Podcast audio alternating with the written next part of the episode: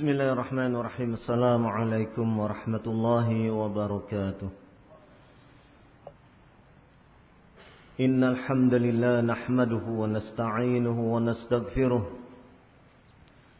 ونعوذ بالله من شرور أنفسنا ومن سيئات أعمالنا من يهده الله فلا مضل له ومن يضلل فلا هادي له أشهد أن لا إله إلا الله وحده لا شريك له وأشهد أن محمدا عبده ورسوله. يا أيها الذين آمنوا اتقوا الله حق تقاته ولا تموتن إلا وأنتم مسلمون. يا أيها الناس اتقوا ربكم الذي خلقكم من نفس واحدة وخلق منها زوجها وبث منهما رجالا كثيرا ونساء واتقوا الله الذي تساءلون به والأرحام إن الله كان عليكم رقيباً يا أيها الذين آمنوا اتقوا الله وقولوا قولا سديدا. يصلح لكم أعمالكم ويغفر لكم ذنوبكم. ومن يطع الله ورسوله فقد فاز فوزا عظيما. أما بعد فإن أصدق الحديث كتاب الله. وخير الهدي هدي محمد صلى الله عليه وعلى آله وسلم وشار الأمور محدثاتها فإن كل محدثة بدعة وكل بدعة ضلالة وكل ضلالة في النار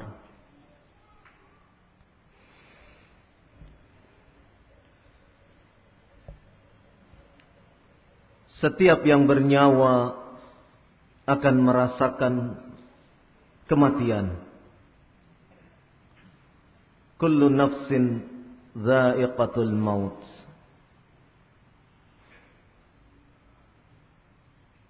Setiap yang berjiwa tentu akan merasakan al-maut, kematian. Dan kematian manakala telah tiba waktunya tak akan bisa untuk ditangguhkan tak akan bisa pula untuk kemudian dimajukan. Walikulli ummatin ajal فإذا جاء أجلهم لا يستأخرون ساعة ولا يستقدمون dan setiap umat ada ajalnya batas akhir batas waktu apabila telah tiba batas itu pada mereka tidak bisa diakhirkan ditangguhkan walau sesaat.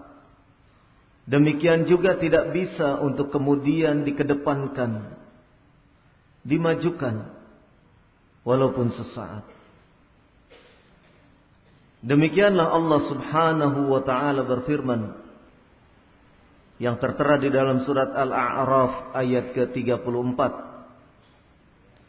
yang menjelaskan tentang ajal pada setiap umat itu sudah ada ketentuannya. Dan tidak akan bisa seseorang untuk merekayasa. Tidak akan pula bisa seseorang untuk kemudian merubah ketetapan-ketetapan itu. Setiap manusia pasti akan menemui kematian. Bisa hari ini, bisa esok, lusa, pekan depan, bulan depan, tahun depan. Dan semuanya tidak ada yang mengetahui kapan diri seseorang dijemput dengan kematian. Tidak ada yang mengetahui kapan ia akan menemui ajal. Karena semua itu merupakan kehendak dari Allah Subhanahu wa taala.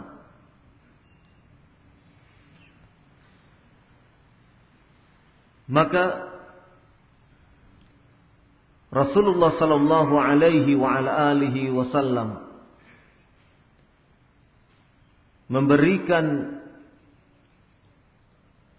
bimbingan kepada kita untuk menyiapkan segala sesuatu yang berkaitan dengan kematian. Karena kita tidak tahu kapan kita akan meninggal dunia. Karena kita tidak tahu di mana kita akan meninggal dunia.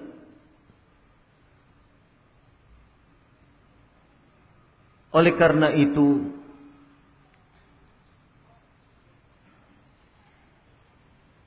kita harus menyiapkan dengan segenap persiapan melalui perbuatan-perbuatan kebajikan, amalan-amalan saleh. Karena Rasulullah sallallahu alaihi wa ala alihi wasallam sebagaimana disebutkan di dalam riwayat hadis dari Abdullah bin Umar radhiyallahu anhuma. Ia menyatakan Kuntu ma'a Rasulillah sallallahu alaihi wa ala alihi wasallam. Faja'ahu rajulun minal ansar Fasallama ala nabi sallallahu alaihi wa ala alihi wasallam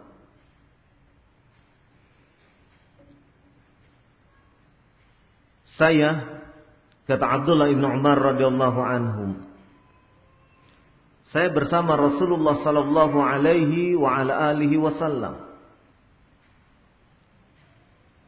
Kemudian datang seorang laki-laki dari kalangan Ansar. Laki-laki itu memberi salam kepada Rasulullah sallallahu alaihi wa ala alihi wasallam. Thumma qala, kemudian laki-laki itu berkata, Ya Rasulullah, ayyul mu'minina afdal? Wahai Rasulullah,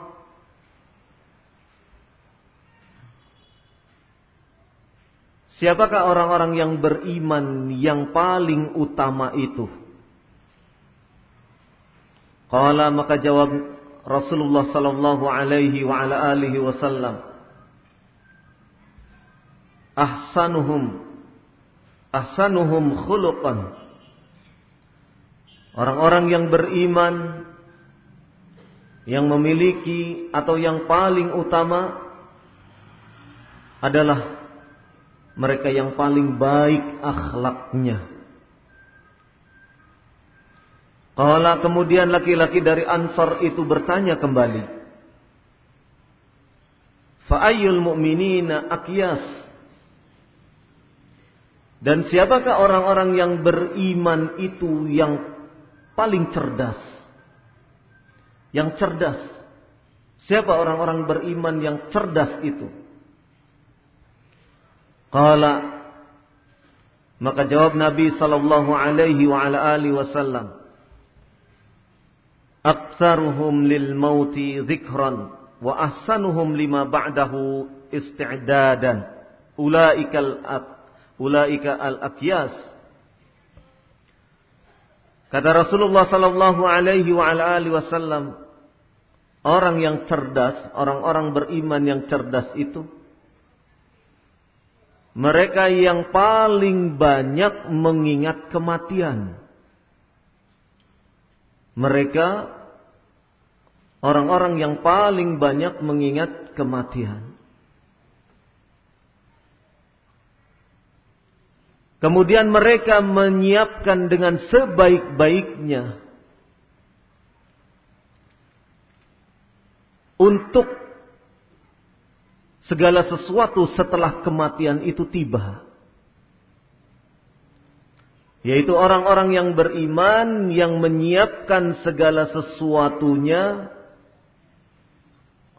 untuk kehidupan setelah kematian itu. Maka kata Nabi sallallahu alaihi wa ala alihi wasallam ulaika al-aqyas. Mereka itulah orang-orang yang cerdas.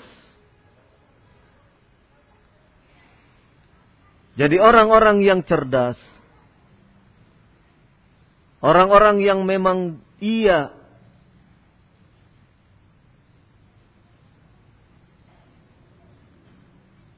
berpikir, menggunakan pemikirannya,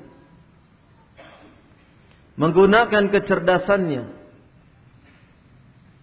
ia akan lebih banyak untuk mengingat kematian. Ia akan mengingat apa yang harus ia kerjakan untuk menghadapi kehidupan setelah kematian itu datang. Karena sesungguhnya ia menyadari kehidupan di dunia ini hanyalah bersifat sementara.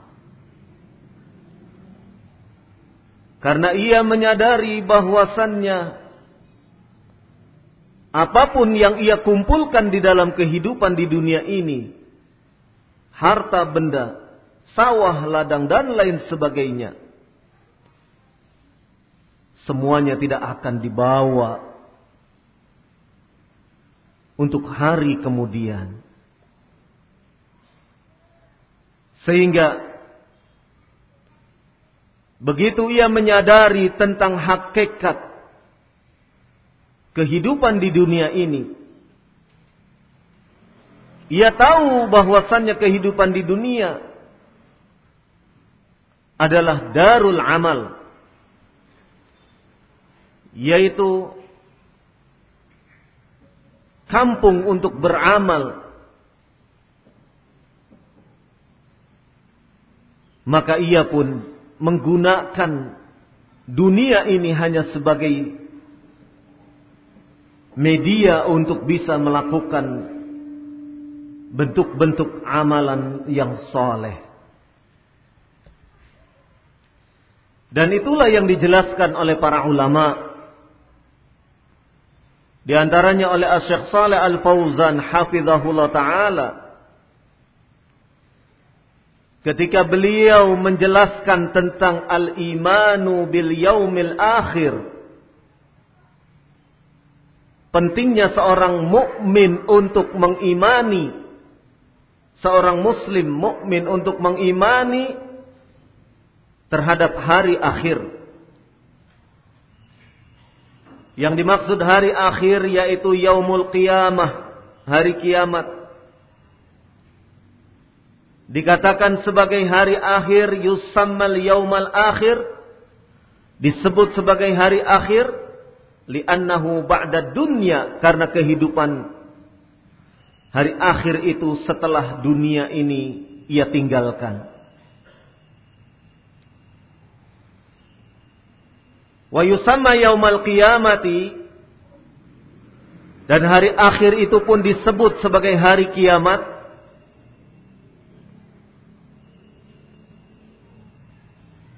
karena liqiyamin nasi fihi min quburihim li rabbil alamin karena setelah kehidupan dunia itu tidak ada.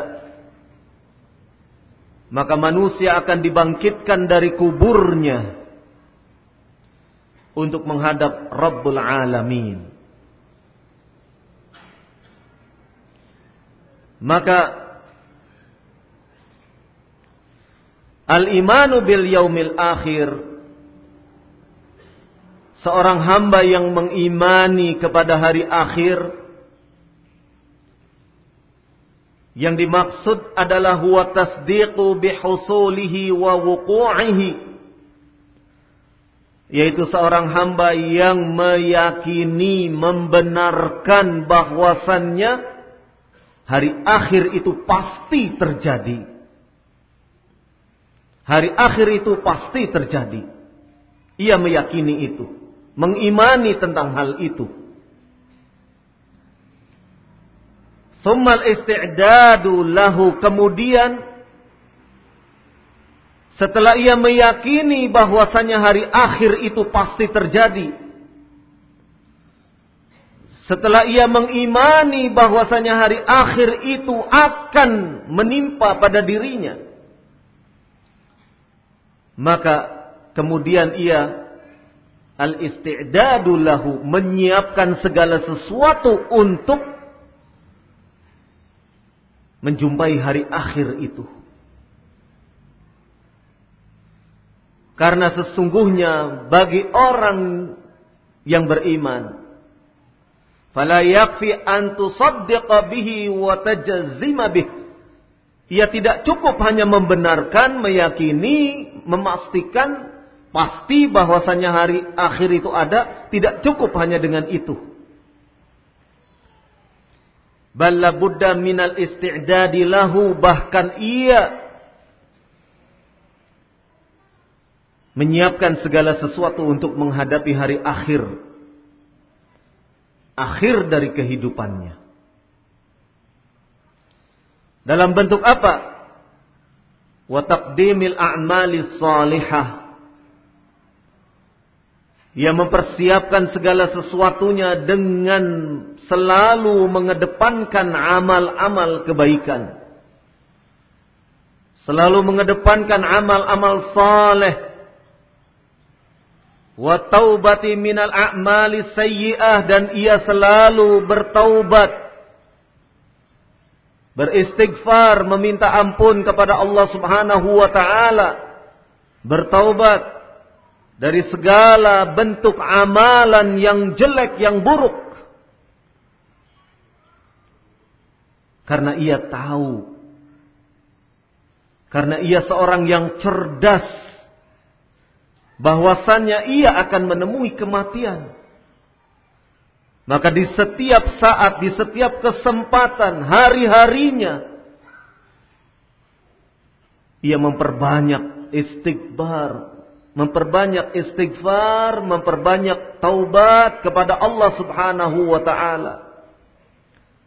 Astagfirullah wa atubu ilaih. Dikala ia duduk, dikala ia berbaring, dikala ia dalam keadaan rehat istighfar tak pernah berhenti dari lisannya. Kalimat taubat tak pernah kering dari lisan yang ada pada dirinya kenapa karena ia adalah orang yang cerdas karena ia orang yang meyakini bahwasannya kematian akan menjumpai dirinya.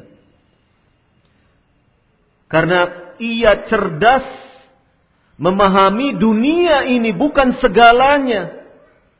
Dunia ini hanyalah diibaratkan sebagai seorang dirinya sebagai seorang musafir, mampir di dunia ini, mampir di bawah pohon, sekedar berteduh yang kemudian setelah itu ia harus melanjutkan perjalanannya. Demikianlah orang yang cerdas. Ia tidak terpaku dengan dunia ini. Ia tidak kemudian dilalaikan oleh keadaan dunia ini. Sehingga kemudian melupakan kehidupan yang sebenarnya akan ia hadapi pasca kehidupan dunia ini. Orang yang cerdas akan memikirkan apa yang harus ia persiapkan untuk menghadapi kehidupan setelah kematiannya. Qala wal iktsari minal hasanat dan ia senantiasa memperbanyak al hasanat. Amal-amal kebaikan. Maka bagi orang yang akias, yang cerdas, yang disebutkan oleh Rasulullah sallallahu alaihi wasallam ulaikal akyas mereka itu adalah orang yang cerdas maka ia akan memahami hakikat dari kehidupan ini. Ia akan memahami hakikat untuk apa ia mengumpulkan, mencari nafkah, mengumpulkan harta. Ia akan memahami hakikat kenapa ia harus mendidik anak-anaknya menjadi anak-anak yang soleh. Orang yang cerdas mengerti hakikat. Kenapa ia harus taklim? Harus hadir di majlis-majlis ilmu. Orang yang cerdas. Ia akan memahami. Kenapa ia harus memilih istri yang soleha? Orang yang cerdas ia akan memahami kenapa saya harus berteman dengan orang-orang yang saleh, orang teman-teman yang baik. Karena semua itu ia persiapkan kalau-kalau kematian itu menjumpai dirinya. Karena ia persiapkan. Anak yang soleh ia siapkan kalau sampai dirinya meninggal dunia. Anaknya lah yang memintakan ampun kepada Allah subhanahu wa ta'ala. Anaknya lah yang kemudian akan mendoakan dirinya. Ia sadar, ia cerdas, ia siapkan keturunannya untuk menghadapi hari esok bagi dirinya. Hari setelah kematian itu tiba menjemput dirinya.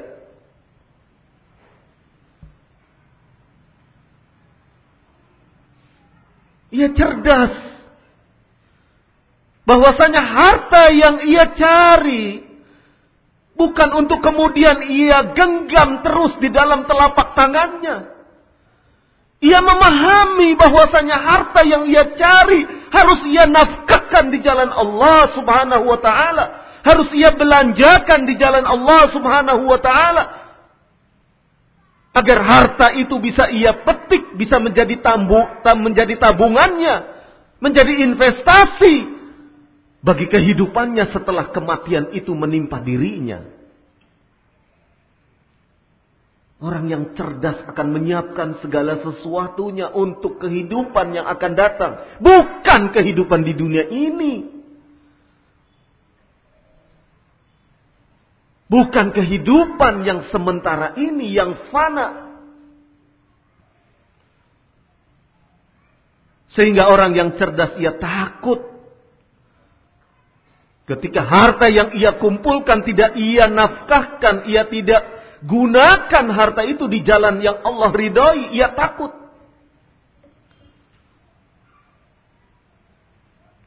Orang yang cerdas itu orang yang dia takut.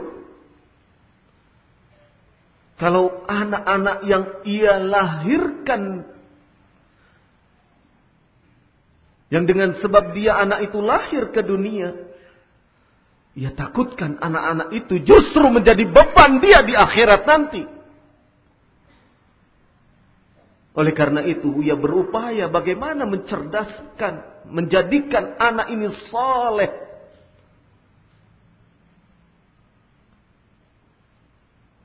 Demikianlah cara pandang, cara berfikir seorang hamba Allah Subhanahu wa taala yang cerdas. Rasulullah sallallahu alaihi wasallam tidak menyebutkan yang cerdas itu punya titel sekian dan sekian. Punya titel sedemikian panjangnya. Punya karir yang sedemikian terus menanjak. Rasulullah Sallallahu Alaihi Wasallam tidak menyebutkan orang yang cerdas itu orang yang kemudian berhasil usahanya, bisnisnya tidak. Orang yang cerdas yang disebutkan oleh Rasulullah Sallallahu Alaihi Wasallam aktsaruhum lil mauti dzikra. Yaitu mereka yang paling banyak mengingat kematian. Wa ahsanuhum lima ba'dahu isti'dadan. Dan orang yang cerdas itu setelah ingat kematian, ia kemudian merancang, merencanakan segala persiapan agar kehidupan setelah kematian itu menjadi kehidupan yang sukses bagi dirinya. Agar kehidupan setelah kematian itu menjadi kehidupan yang penuh kemenangan, kejayaan bagi dirinya.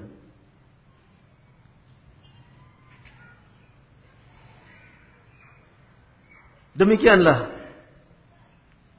para ulama menyebutkan di antara hikmah seseorang mengingat kepada hari akhir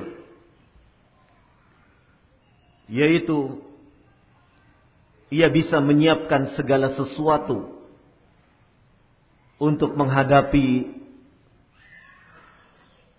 hari akhir tersebut.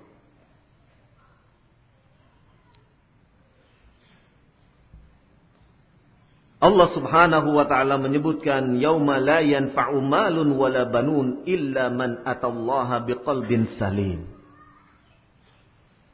Pada hari itu yaitu hari akhirat pada hari, pada hari yang tidak ada manfaat harta dan anak-anak.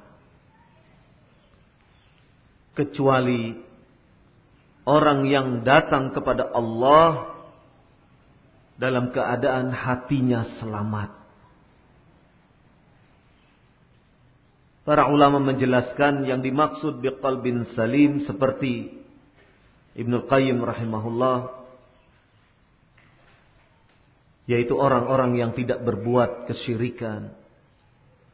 Orang-orang yang beramal al-hasanat, kebaikan-kebaikan. Ia benar-benar melakukan amalan itu karena ia faham benar bahwasannya hari akhir itu akan datang kepadanya.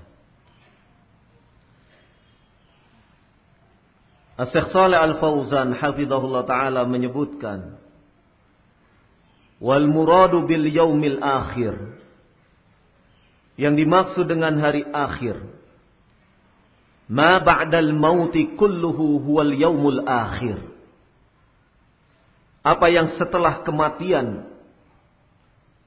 seluruhnya merupakan hari akhir. Fa idza matal insanu wafadat ruhuhu dakhala fil yaumil akhir wa kharaja minad dunya.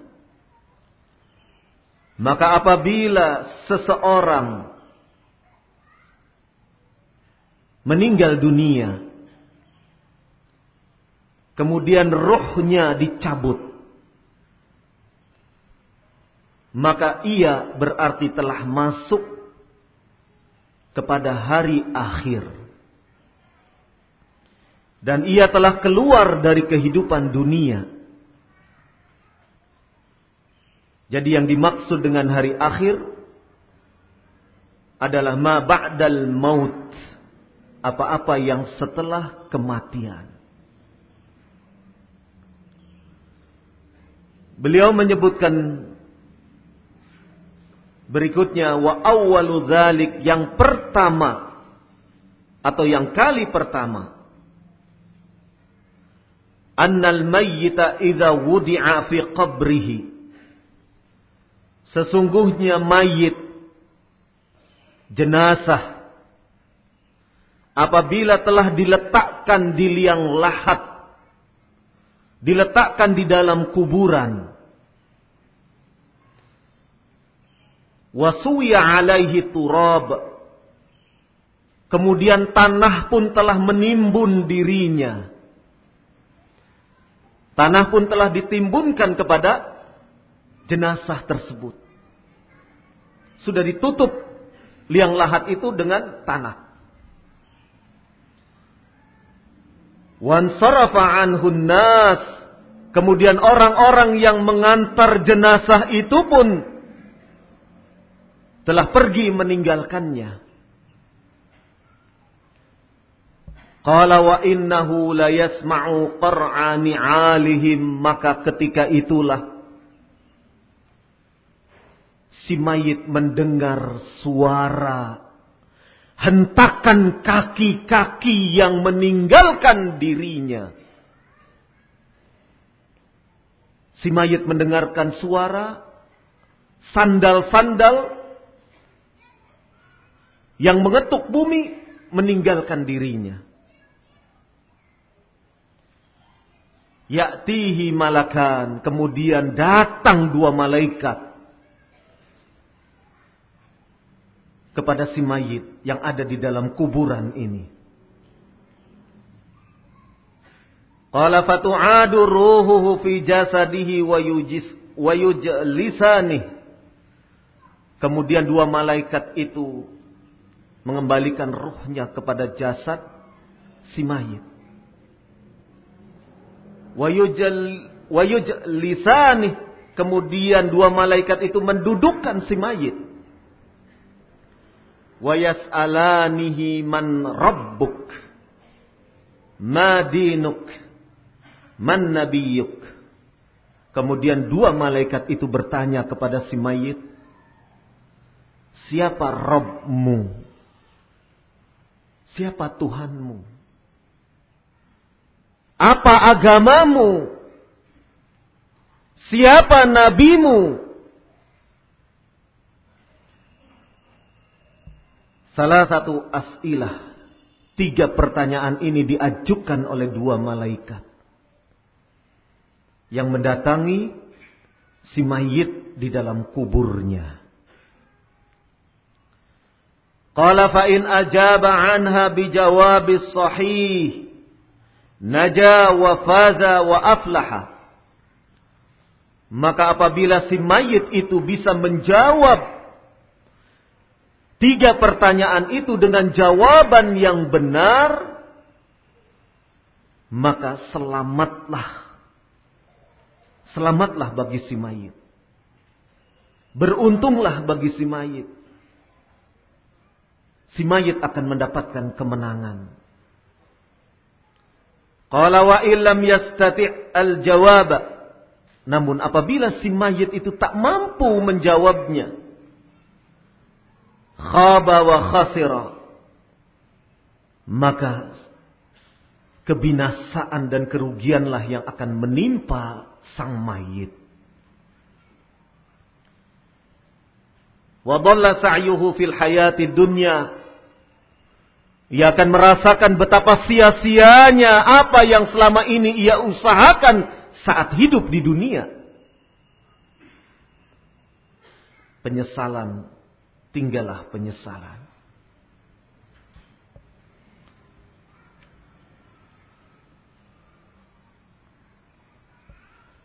Inilah keadaan di alam barzakh alam kubur. Alam kubur atau disebut juga alam barzakh. Yaitu merupakan daru intidhar. Yaitu alam di mana manusia yang telah mengalami kematian memasuki fase menunggu menunggu sang kakala ditiup untuk kemudian terjadinya hari kiamat.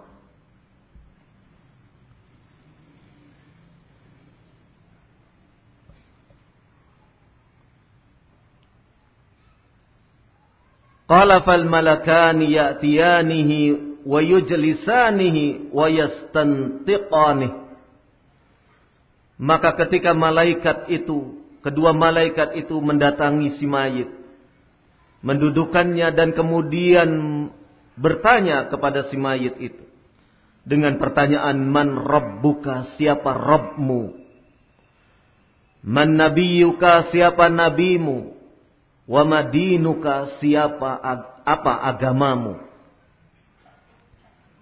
Fayaqulul mu'min maka bagi seorang mukmin orang yang beriman ia akan menjawab ketika ditanya man rabbuka ia akan menjawab bagi orang yang mukmin bagi orang yang beriman rabbi Allahu Rabbku Tuhanku Allah Dan ketika ia ditanya, "Wa madinuka? Apa agamamu?" Maka bagi seorang mukmin akan menjawab, "Wa dini al-Islam." Agamaku Islam. Dan ketika ia ditanya, "Man nabiyuka?" Siapa nabimu? Maka bagi seorang mukmin ia akan menjawab, wan nabiyyi Muhammadun sallallahu alaihi wa ala alihi wasallam. Qala fayunadi munadi maka kemudian ada seruan dari orang yang menyeru dari dari dari yang ada seruan dari sang penyeru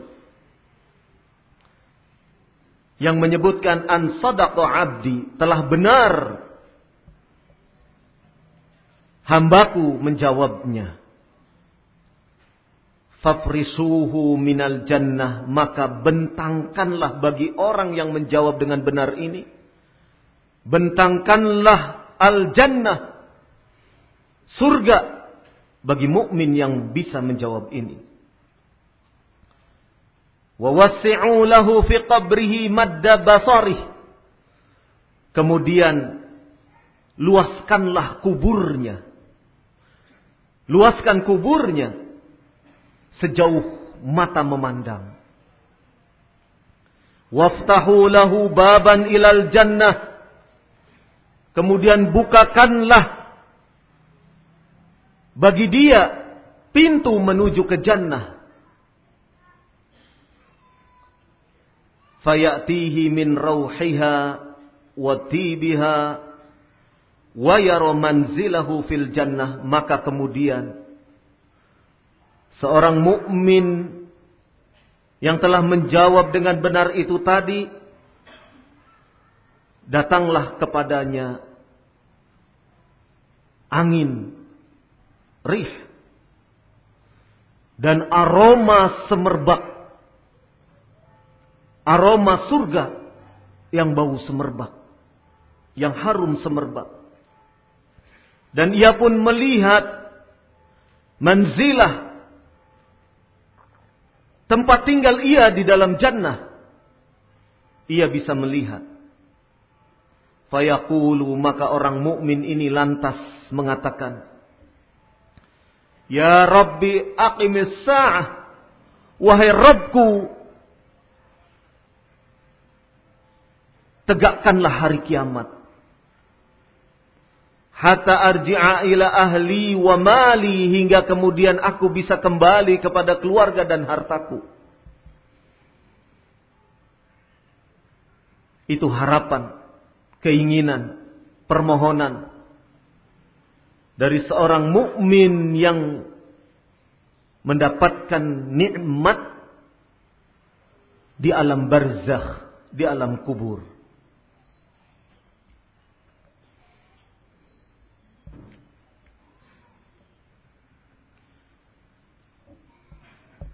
Berbeda dengan orang-orang munafik. Orang-orang yang tidak memiliki keyakinan, keimanan. Sebagaimana orang-orang yang beriman itu telah memiliki keyakinannya. Qala wa ammal munafiqu wal murtabu alladhi 'asha 'ala syakk fid dunya fa innahu yamutu 'ala syakk Adapun orang yang munafik, orang yang ragu, yang hidupnya diliputi keraguan, saat hidup di dunia diliputi keraguan, tidak diliputi dengan keimanan. Fa innahu yamutu ala syak, maka ia pun mati di atas keraguan tersebut.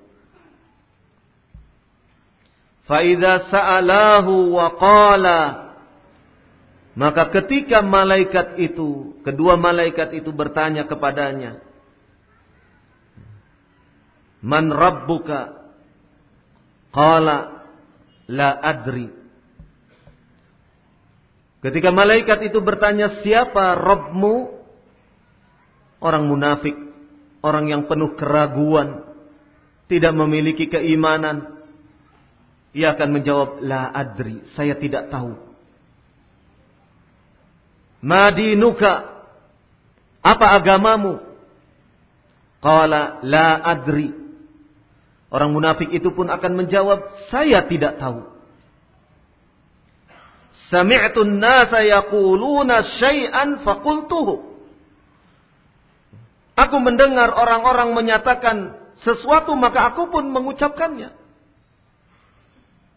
Maka ketika malaikat menanyakan man nabiyuka? Qala la adri. Orang munafik itu pun akan menjawab, saya tidak tahu. Kenapa demikian? Kata Syekh Saleh Al-Fauzan hafizahullah taala li annahu fid dunya lam yu'min biqalbihi. Karena saat ia hidup di dunia, di hatinya tidak ada iman. Tidak ada keimanan. Wa inna ma takallama bilisani dan sesungguhnya ia berbicara dengan lisannya sami'tun nas. Saya mendengar orang-orang yaqulun mereka mengatakan syai'an fakultuhu. Mereka mengatakan sesuatu, saya pun mengucapkan sesuatu. Itu yang diucapkan oleh orang-orang munafik, orang-orang yang penuh keraguan saat hidup di dunia. Mereka mengucapkan lisannya tetapi di hatinya tidak ada keimanan. Tidak ada iman, tidak ada iman.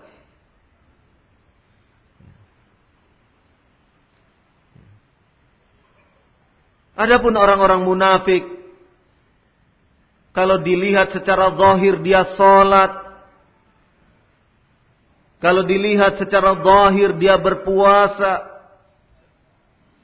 akan tetapi sholat dan puasanya bukan muncul disebabkan karena keimanan yang ada di dalam hatinya. itu hanyalah bentuk takiyah. Berpura-pura membohongi orang di sekitarnya. Kenapa demikian? Li ajli ayya'isha ma'al muslimin faqat. Karena ia ingin hidup di tengah-tengah kaum muslimin saja. Wa lam yu'min biqalbihi sementara di dalam hatinya tidak ada keimanan. Tidak ada keimanan.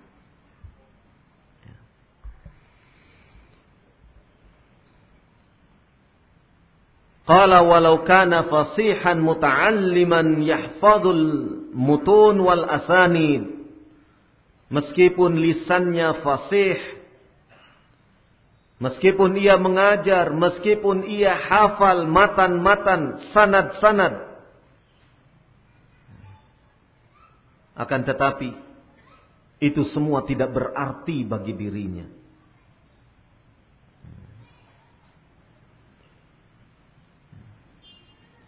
Ia tidak akan mampu untuk menjawab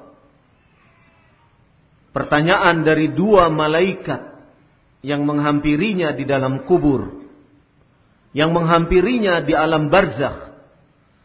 Ia hanya akan mengatakan la adri.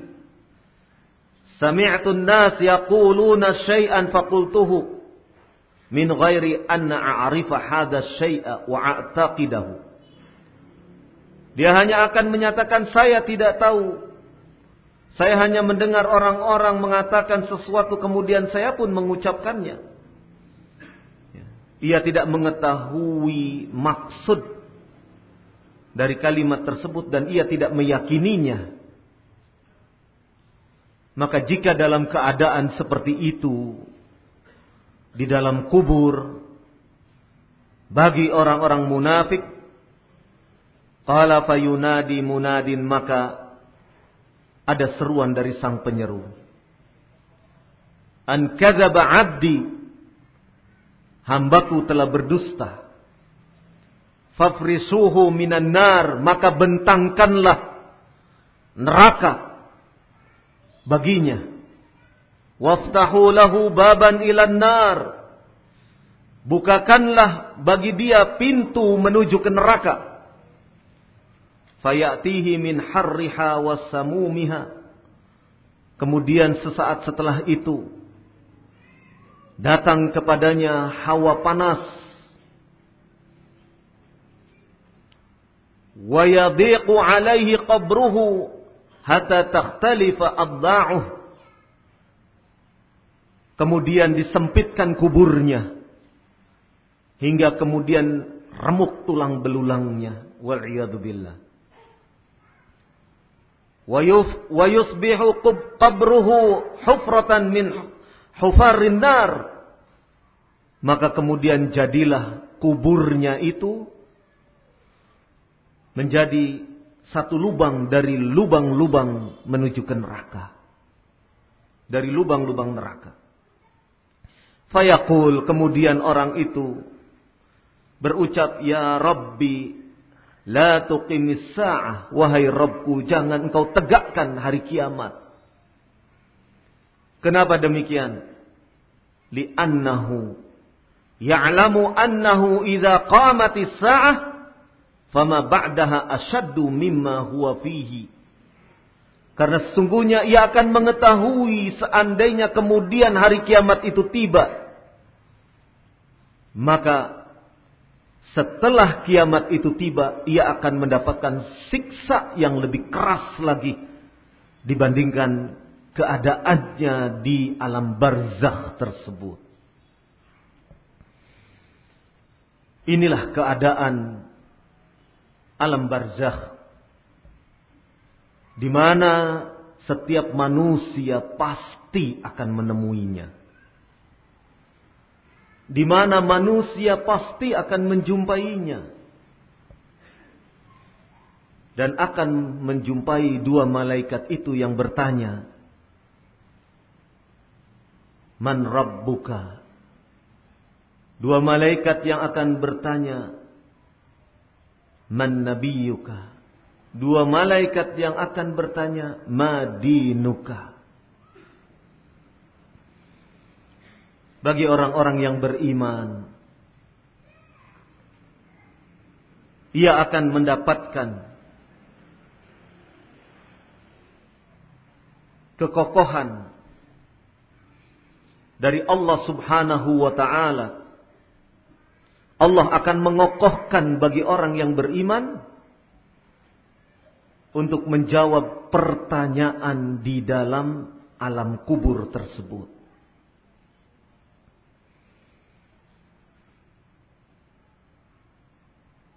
Allah Subhanahu wa taala berfirman dalam surat Ibrahim ayat ke-27.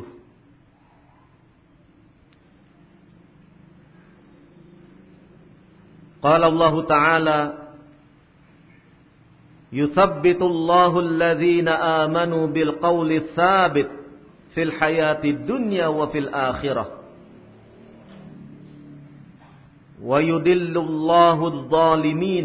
wa yaf'alullahu ma yasha. Allah akan mengokohkan orang-orang yang beriman bil qauli tsabit dengan perkataan yang kokoh.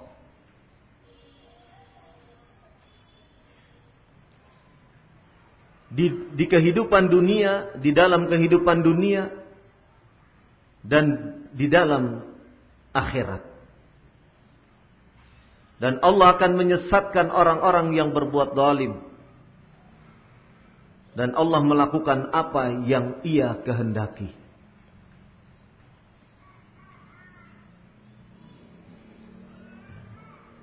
Di dalam firman Allah Subhanahu wa taala ini disebutkan yusabbitullahu alladhina amanu bil qawli thabit fil hayati dunya. Dijelaskan oleh Syekh Saleh Al-Fauzan hafizahullah taala kama annahum 'ashu 'ala al-qawli thabit fid dunya. Sebagaimana mereka saat hidup di dunia mereka dikokohkan ucapannya wal imanis sadiq yaitu keimanan yang benar yang jujur fa inna Allah yusabbituhum fil qabri wa inda su'al maka sungguh Allah pun akan mengokohkan mereka ketika mereka berada di dalam kubur dan ketika pertanyaan itu diajukan kepada mereka. Maka bekal bagi orang-orang yang beriman yaitu ia mengerjakan apa yang Allah perintahkan, meninggalkan apa yang Allah larang. Di dunia ini ia sedemikian besar untuk mengumpulkan perbekalan dalam rangka untuk menghadapi alam-alam berikutnya.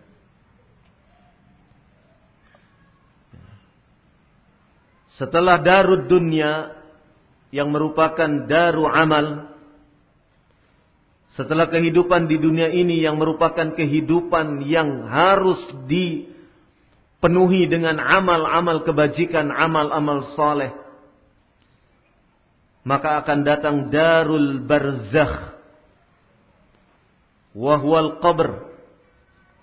Yaitu akan tiba alam barzakh, yaitu alam kubur. Wahwa daru intidar, yaitu merupakan alam penantian. Menanti saat manusia nanti akan dibangkitkan dari kubur-kubur mereka untuk kemudian dikumpulkan di padang mahsyar. Dan kemudian yang ketiga wadarul qarar yaitu alam ketetapan yang abadi wahya darul akhirah yaitu alam akhirat karena alam akhirat itu adalah alam yang memang sudah tetap. Alam yang baqa, yang abadi. Sebagaimana Allah subhanahu wa ta'ala berfirman dalam surat Ghafir ayat ke-39. Wa innal akhirata hiya darul qarar. Dan sesungguhnya akhirat itu adalah merupakan darul qarar. Merupakan alam di mana ketetapan sudah diberlakukan. Akankah ia menetap di dalam jannah, surga, ataukah akan seorang hamba itu menetap di neraka? Itulah darul qarar. Kita memohon kepada Allah Subhanahu wa taala untuk menjadikan diri-diri kita orang-orang yang termasuk mendapatkan kenikmatan di alam barzakh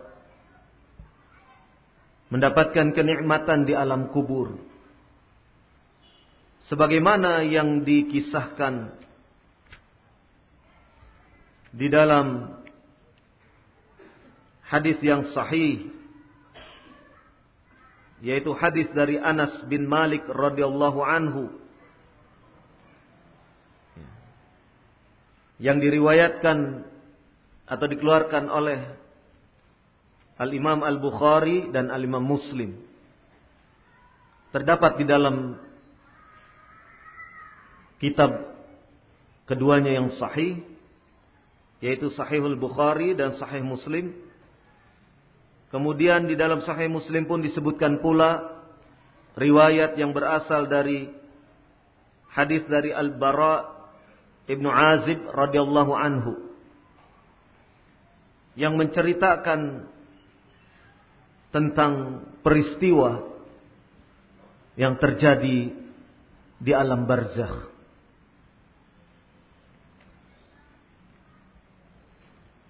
Karenanya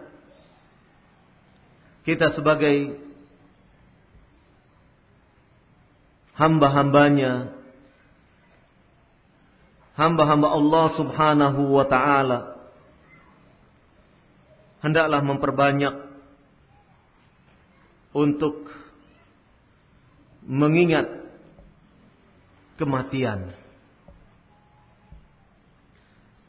Ar-Rasul sallallahu alaihi wa ala alihi wasallam dalam sebuah hadis dari Abi Hurairah radhiyallahu anhu. Hadis riwayat At-Tirmidzi. Beliau sallallahu alaihi wa ala alihi wasallam bersabda, "Aktsiru dzikraha aktsiru dzikra hazimil ladzat." Perbanyaklah oleh kalian zikr. Hazimil ladzat. Perbanyak untuk hal-hal yang memutus kenikmatan.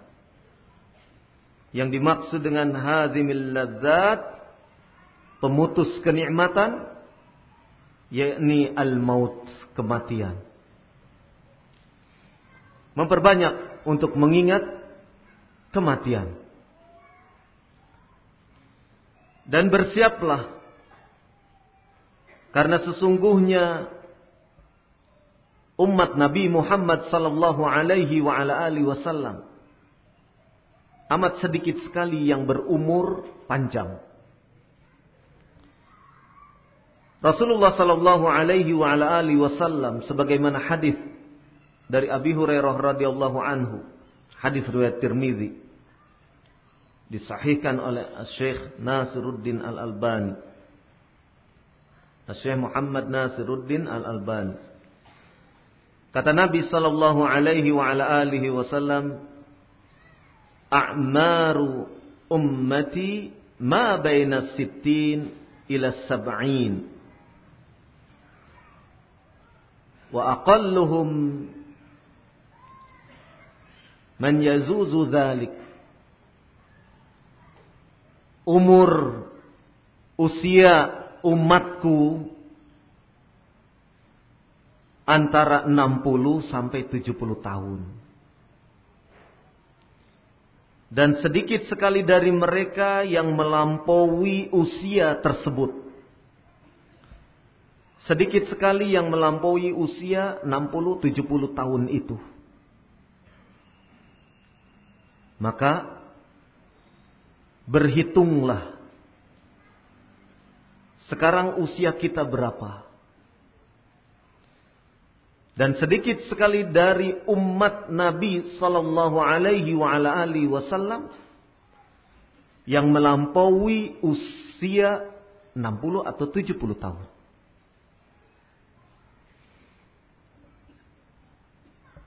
Bagi yang sudah berusia 50 tahun ke atas berarti tinggal beberapa saat, beberapa tahun.